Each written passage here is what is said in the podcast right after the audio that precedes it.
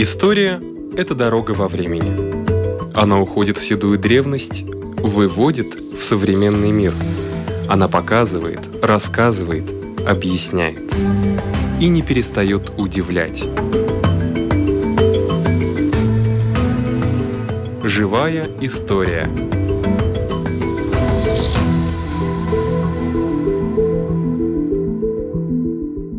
У микрофона Лидия Чера.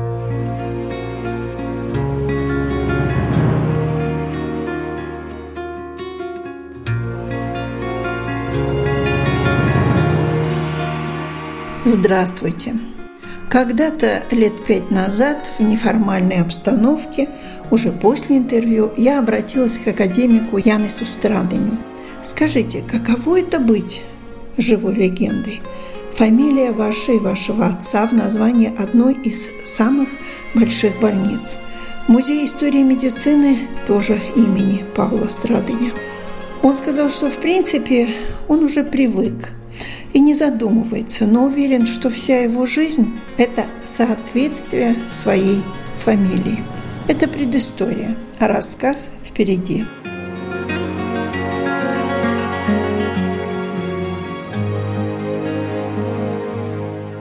Чуть больше 40 дней прошло с того момента, как академик Ян Страдович ушел из этой жизни, и в музее истории медицины открылась небольшая выставка, посвященная уже не Паулу Страдению, как принято всегда было называть учреждения и организации, а уже Янису. Организатор этой выставки Рита Гравера. И Артис Эрглс. Эта выставка такая неожиданная и знаменательная в своем роде. Открыли мы ее 17 января, то есть в день рождения Паула Страдынша поскольку это такой день, когда мы празднуем своего основателя музея и принимается лауреат Балвы Паула Страдынша.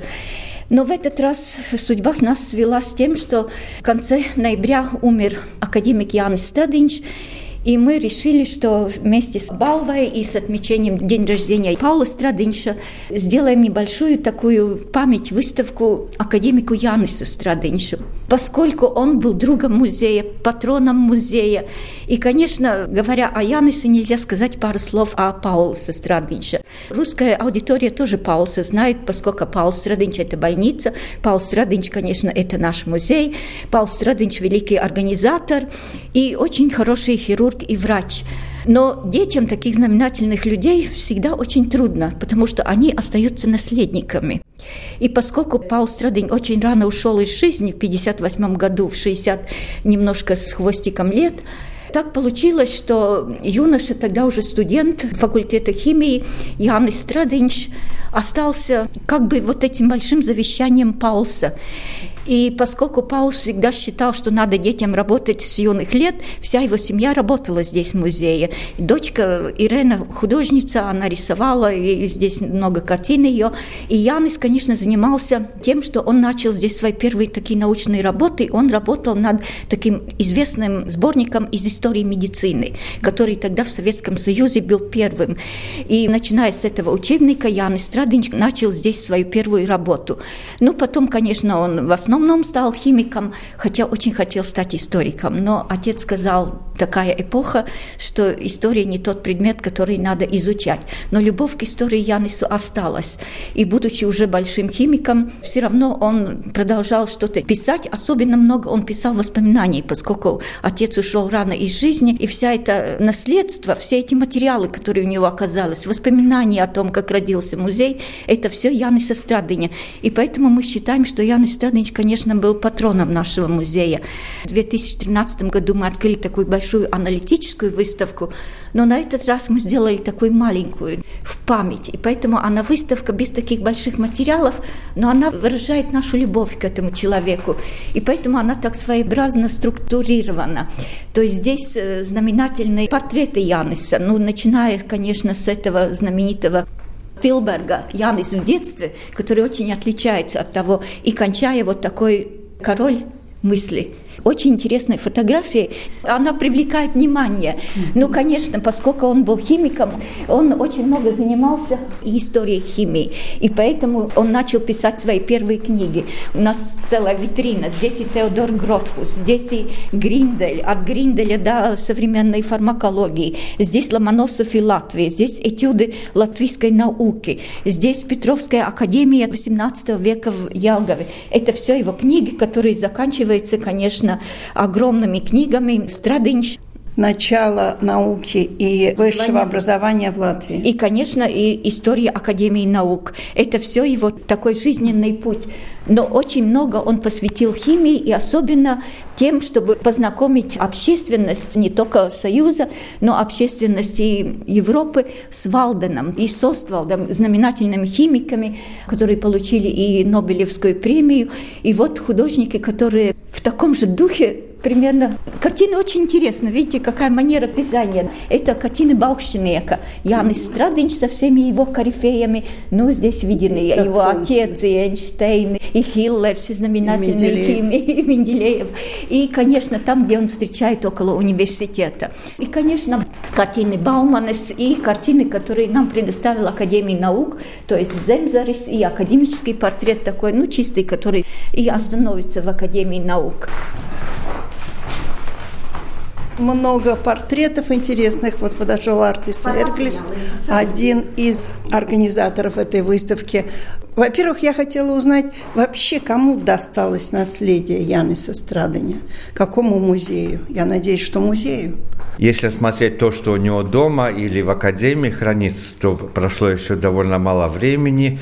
И я думаю, что об этом уже семья, наверное, думает – но еще надо будет подождать, как что. Скорее всего, может быть, даже в Академии наук будет какая-то специальная комната или что-то, как Ояр Спаритис обещал и высказался. Посмотрим, как будет. Мы хотели, поскольку день рождения Павла Страдания, мы объявляем премию Страдания, и тем более, что каждый год академик Янис Страдович участвовал в этом мероприятии, он был в комиссии, которая избирала, и вот это первый год, когда его не было, больше, мы решили, что надо как-то отметить его память вот такой выставкой. И здесь тоже уже предметы, которые его помнят. У вас, значит, все-таки тоже есть какая-то небольшая коллекция? Да, потому что он сам очень много дарил предметов музею из своего семейного архива. Это медицинские инструменты его отца, это книги из библиотеки, это письма, которые адресованы и ему, и его отцу. Так что очень много разных экспонатов, которые хранятся в музее. Например, Янис Трупулис нам вот как раз на это мероприятие, на эту выставку принес. Мы видим там серебряная медаль на 80-летие Яниса Страденча. Янис Трупулис, автор медали, принес пластилиновый оригинал, из которого лепили, и передал это в хранение музею. Жук-то при чем здесь? Вот единственное, что непонятно. Да, это мы можем подойти посмотреть. Это очень интересный жук. Профессор Баршевский, он э, очень знаменитый и во всем мире известный энтомолог. И в 2013 году он в Филиппинах нашел жука, который в честь 80-летия Яниса Страденша назвал его именем Долёб Страденси. Поэтому здесь такой ошибки. На день рождения он подарил вот такую красивую фотографию. Мы также видим герб Семистрады. Это сначала была эмблема, которую сделал художник Гунар Сцилитис. Но поскольку это была эмблема, и чтобы его переделать в гералдический герб, то уже следующий художник в 2017 году, Эдгар Симс, создал герб. Настоящий э, герб. Дрозды, Стразд, от которых произошла фамилия Страздыни, потом Страдыни. Это ветки дуба, потому что Сунахс, Весейте в то время это был такой регион, который на немецком носил название дуба. Мы видим символы, и мы видим очень красивую надпись латинскую «Гута кават лапидем», которая означает, что капля долбит камень. Это было то, что Янис Страдович всю жизнь делал, когда брался за какой-то камень, он так долго и хорошо его долбил, чтобы сделать какую-то скульптуру. Так он вот создал свою жизнь как такую большую, красивую. Да, и все-таки у него два призвания было, и химик, и историк. Даже непонятно, что притягивает в этом ну, симбиозе? Тут надо смотреть, что уже в детстве, в юношестве он тяготел к истории, но Паул Страдович, его отец сказал, это конец 40-х, 50-е годы, и история была очень идеологической наукой. И поэтому, так что у него были тоже какие-то посылы к экзактным наукам, конкретно к химии, так вот он и пошел в химию. И очень много там разных вещей сделал, но все время занимался параллельно, помогал отцу, например, с историей медицины, например, издавая сборники из истории медицины, потом акта Medical History Григензе, главным редактором которого он был до последнего издания в 2018 году который здесь тоже на выставке выставлен. И писал очень-очень много книг и статей, поэтому у нас такой совсем небольшой стенд здесь выставлен. Несколько книг из его несколько тысяч публикаций наверное, на большую всю библиотеку национальную, чтобы выставить все его публикации и книг, которые он издал. Но мы вот видим очень интересное издание. А это его мантия? Да, это мантия, которая хранится в семье. Мы попросили семью, так же как портреты, привезти здесь на выставке. Это мантия почетного доктора Рижского страдального университета. В 2007 году он был принят почетным доктором РСУ, и вот это мантия почетного доктора. И как долго продлится выставка? По крайней мере, до 25 февраля, возможно, мы ее продлим. Но лучше поторопиться и до 23 февраля обязательно посмотреть. Часто от людей остаются какие-то памятные вещи, такие вот, которые были близки этим людям. Есть и такое на выставке? Да, это очень интересно, поскольку у людей всегда есть что-то, что характеризует именно его. И поскольку у нас в кабинете Паул Страдынич стоит старый-старый портфель, с которым Паул Страдынич всегда ехал к своим пациентам, то мы попросили наследника Петериса Страдыня, хирурга, привести нам портфель Яниса Страдыня, поскольку Янис Страдыня портфель тоже были неразличимы. Конечно, это разные века, разные портфели, но сама суть, что он всегда все, даже цветы туда засовывал и всегда ходил с портфелем, из которого как будто выходят все эти цветы и все остальное. И поэтому это как то знак Яниса Страдынича, как будто он с нами.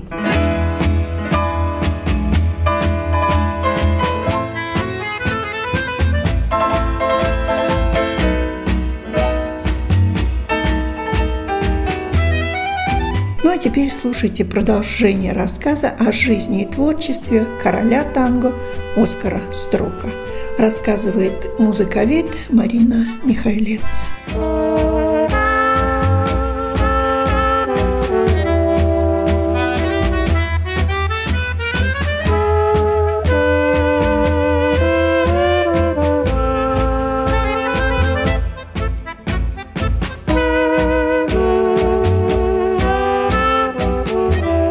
Это была та, которая... Это была та самая Ленни Либман, с которой он уехал в Париж.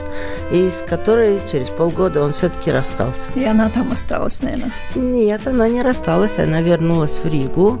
Она стала искать другого спонсора. Э, ну, если хотите, спонсора.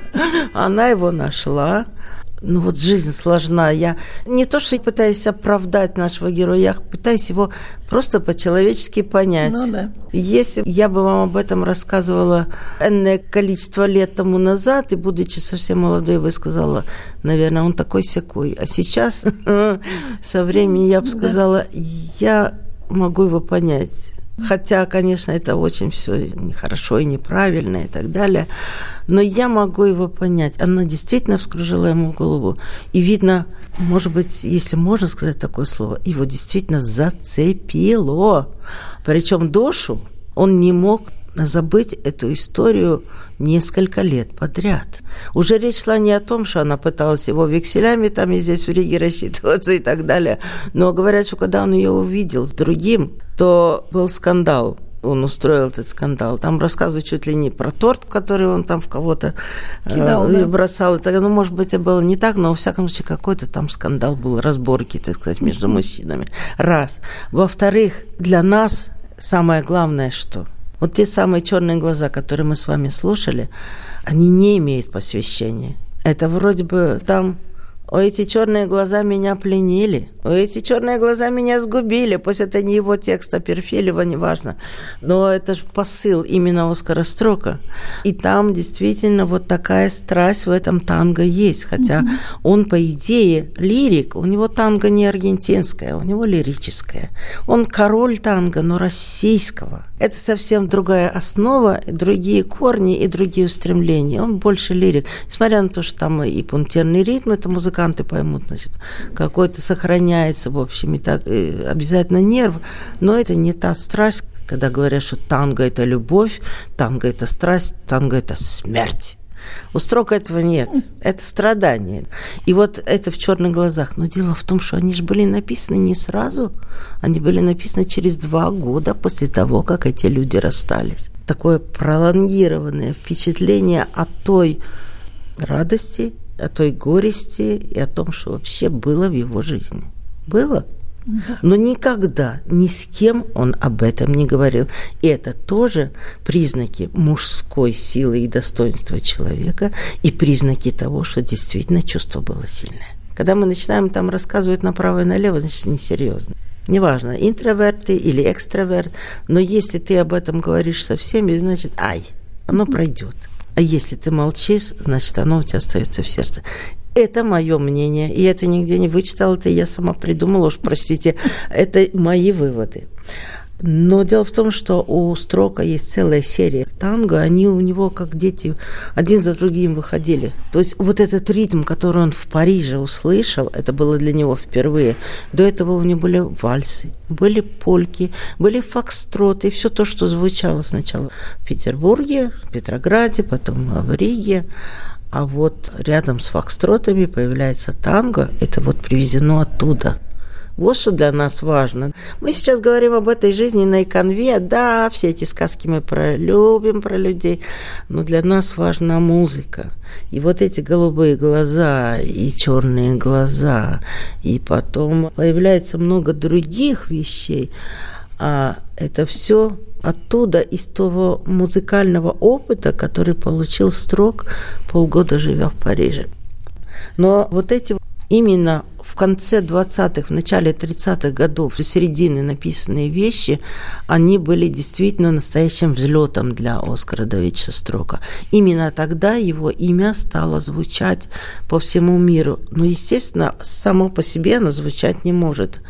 А, наверное, должны быть люди, музыканты, которые считают, что это хорошо, что эту музыку надо исполнять. И вот тогда появляется имя еще одного в то время начинающего музыканта по имени Петр Лещенко. Мы все теперь его знаем. Ведь, понимаете, сейчас мы вроде бы все, что я рассказываю, мы все это знаем. Да, да, да. И казалось, что мы это знаем всегда. Когда я это слышала от Веры Скарны строк, когда я это читала в газетах, когда это смотрела, находила по крупицам в архивах, начиная с Ленинградской консерватории, с Петербургской в архиве, где все эти сведения по крупицам я доставала, и еще не было ни одной книги, сейчас их две. Первую я просто должна упомянуть. Это Анисим Гиммерверт он был у нас в Риге, он выступал в Даугавпилсе на конференции. Это человек, который первый, собственно говоря, стал раскручивать имя Оскара Строка. И он издал книжку «И честь ему и хвала». Да, когда мы с ним встретились, мы с ним там и поговорили, и поспорили, и так или не так, то, что он рассказал. Это уже дело десятое. Но главное, что он вывел имя Строка на такую большую арену. Это было уже вот в наши дни. А тогда, в 30-е годы, музыку Строка именно вывел на арену достаточно молодой, ну, средних лет он уже был, но начинающий как певец Петр Лещенко. Он был танцовщиком. Он э, танцевал со своей женой Зиной Закит, как по-русски говорят, или Затте. Латышка. Она наполовину латышка. У нее отец латыш, мама русская. То есть тоже, в общем, там такая интересная смесь. Они познакомились в Париже, где учились в танцевальной школе. Потом они выступали, где они только не выступали, по всей Европе, и в Бухаресте, и в Турции, в Стамбуле.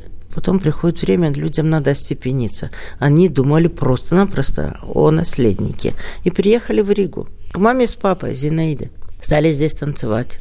Ну, танцевать сколько можно, если вот уже Игорь бьется и на подходе и хочет, в общем, заявить о себе. А Игорь – это сыночек. И, естественно, Зинаида перестала танцевать. Петру надо зарабатывать деньги, танцевать одному. Да, пусть лезгингу, да, пусть какие-то русские танцы, еще что-то. Вот у него такие жанровые были. Насколько можно это делать?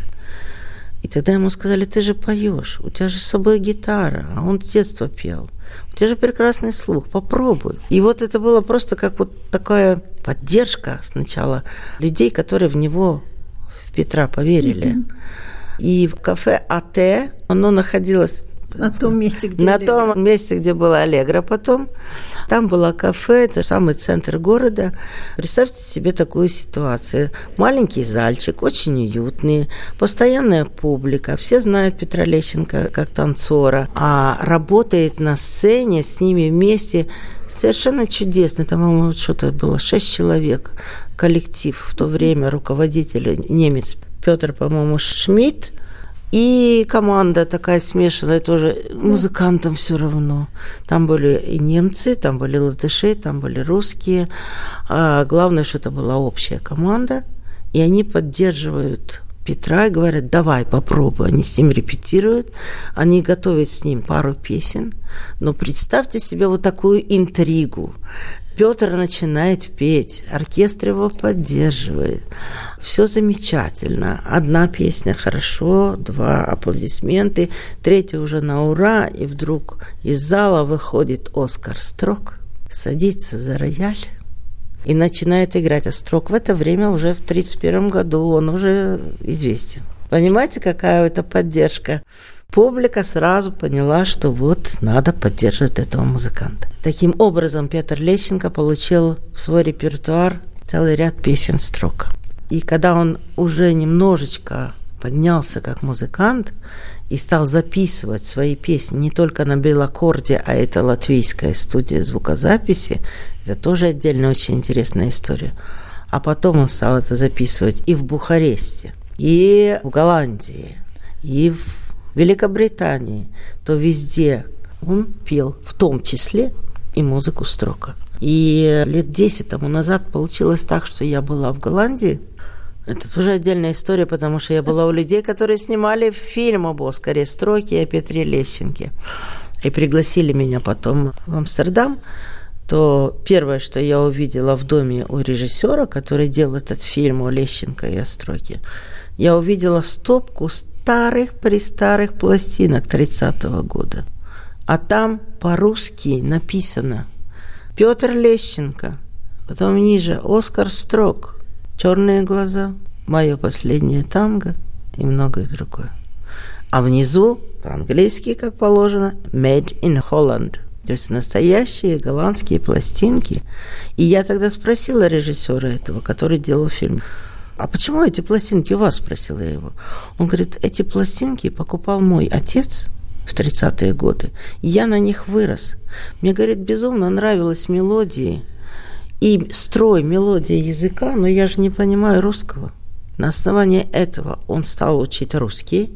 Можете представить, музыка может человек подвигнуть на что угодно. Стал выяснять, кто такой Петр Лещенко – и получив возможность приехать сюда, он объехал ряд городов, связанных с именем Лещенко и Строка, в первую очередь был в Риге. Все это музыка возвращается, возвращается и возвращается. Строк нас знакомит, строк нас соединяет. И он меня тоже не отпускает. И вы сегодня спрашиваете о строке в связи с его юбилеем. Я вам очень благодарна. Я благодарна вам, вашему каналу. Я благодарна вообще радио, которые дают возможность вспоминать такие замечательные имена. И что касается Оскара Строка, мы можем говорить об этом очень долго. Мы сегодня только коснулись 30-х годов, потому что дальше можно говорить о времени послевоенном. Я только упомяну, может быть, такую вещь, которая объяснит, почему Строка мы не знаем, мы рижане долгое время не знали о том, что Строк наш соотечественник, что он ходил по тем же самым улицам, жил на Тербетес 50. Слава богу, там теперь есть доска поставлена. Очень хорошо. Что он вот здесь вот в Верманском парке сидел, отдыхал. Что вот здесь он играл. Почему? Потому что после войны Мы называем 48 год. Кто знает историю, все знают, в чем дело. Постановление об опере «Великая дружба», оно так звучит. На самом деле это постановление о музыке, которая не должна звучать. После войны, сталинское время, опускается железный занавес, джаз нельзя, танго нельзя, многое другого нельзя, тексты нельзя. И начинается с того, что прямо с 48 года я видела эти списки запрещенных исполнению произведений. Оно называется незапрещенное. Всегда все умели оформить. Называлось это «не рекомендовано к исполнению». Не рекомендовано. Но если ты эту рекомендацию не исполнишь, попробовал это сделать Константин Сергеевич Сокольский, друг Строка. И его когда-то в концерте попросили, спойте на бис «Черные глаза». Он спел. Завтра он пришел в филармонию, а там приказывал в его увольнении. Все, вопросы будут? Не будут. Поэтому очень надолго его исключили. Его исключили из Союза композиторов. В 1948 году он был членом Союза композиторов. Значит, раз он не член Союза композиторов, не издавалась его музыка, не рекомендована к исполнению ряд произведений, значит, о нем начинают забывать. Надо сказать, что не все так плохо. Инструментальная музыка звучала. Оказывается, что еще Кроме того, что определенные имена и фамилии были неугодны, еще тексты казались не такими. К чему я это подвожу? К тому, что мы начали с голубых глаз. Посмотрите, я вам принесла вот такой листочек. Здесь текст. Голубые глаза и мелодия и текст. Помнишь, осенней порой мы повстречались со мной. Ты мне шепнула «прости», лишним стоял на пути. Очень странные слова, не очень высокого качества, но такими я их знаю. Так пела Альбина Кожикова в наших концертах совместных, строковских, которые уже были. Время летит быстро, лет уже 20 тому назад, мы раскручивали строка, то есть, что значит раскручивали? Возвращали его в Рижскую... Заново. Заново знакомили, возвращали его в Рижскую музыкальную среду. Это мы думали, что возвращали. В каком плане? Мы пробовали сделать концерт, и я думаю, ну, человек 30 придет. А когда только мы объявили о концерте, я прихожу в концертный зал – простите, надеваю туфли, чтобы выйти на сцену. Подходит ко мне администратор и буквально на меня криком кричит, что ты наделала? Я перепугалась, что я наделала? А я считалась организатором этого концерта. Он говорит, на улице, за углом, за 200 метров от э, концертного зала, а это было в бывшем театре оперетты, там теперь что там, я не знаю, а тогда одно время был концертный зал. Говорит, люди спрашивают билеты. Я говорю, такое счастье. Он говорит, какое счастье? А куда я их посажу? И у нас было еще два повтора, и все было так же.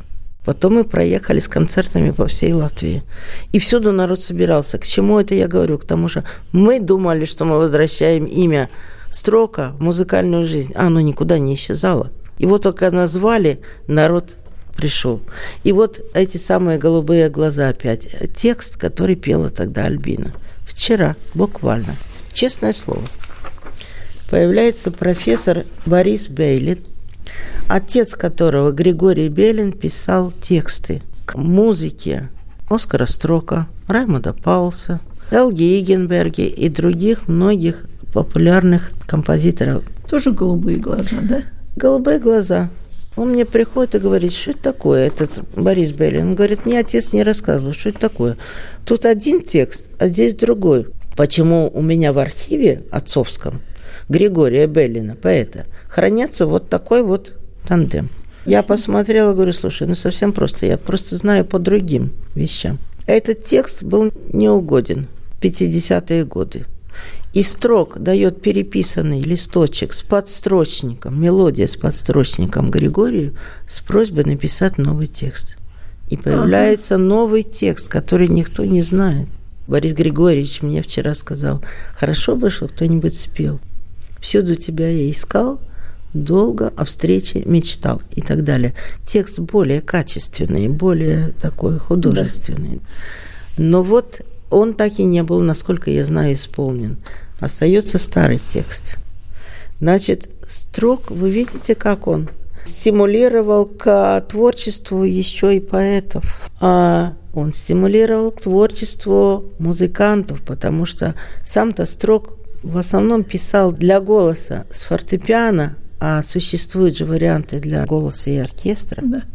Потому что когда наконец-то строк был разрешен в 70-е годы, Екатерина Фурцева, между прочим, вернула его, разрешила его играть и исполнять. И был большой концерт в связи с его юбилеем, то делались аранжировки, то есть приспособления для исполнения оркестром. И с тех пор строк уже звучит и в таком варианте тоже. Я могу только сказать, что мы должны просто поставить с вами точку, точку в рассказе на любой фразе, потому что еще и еще о нем можно говорить, не просто говорить, а в связи с его замечательной музыкой и в связи с миром, который открывается нам по имени Оскар Строк. Спасибо. Музыковед Марина Михайлец, сотрудник Национальной библиотеки Латвии.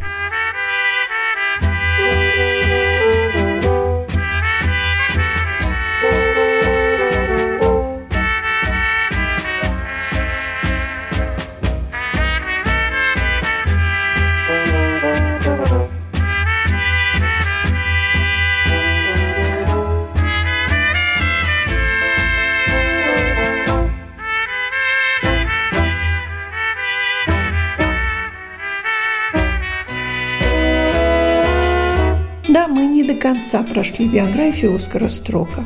Затронули только самое-самое. Но главное ведь это его музыка. Она жива и будет жить. Всего вам доброго. На этом наша программа заканчивается. Всего вам доброго.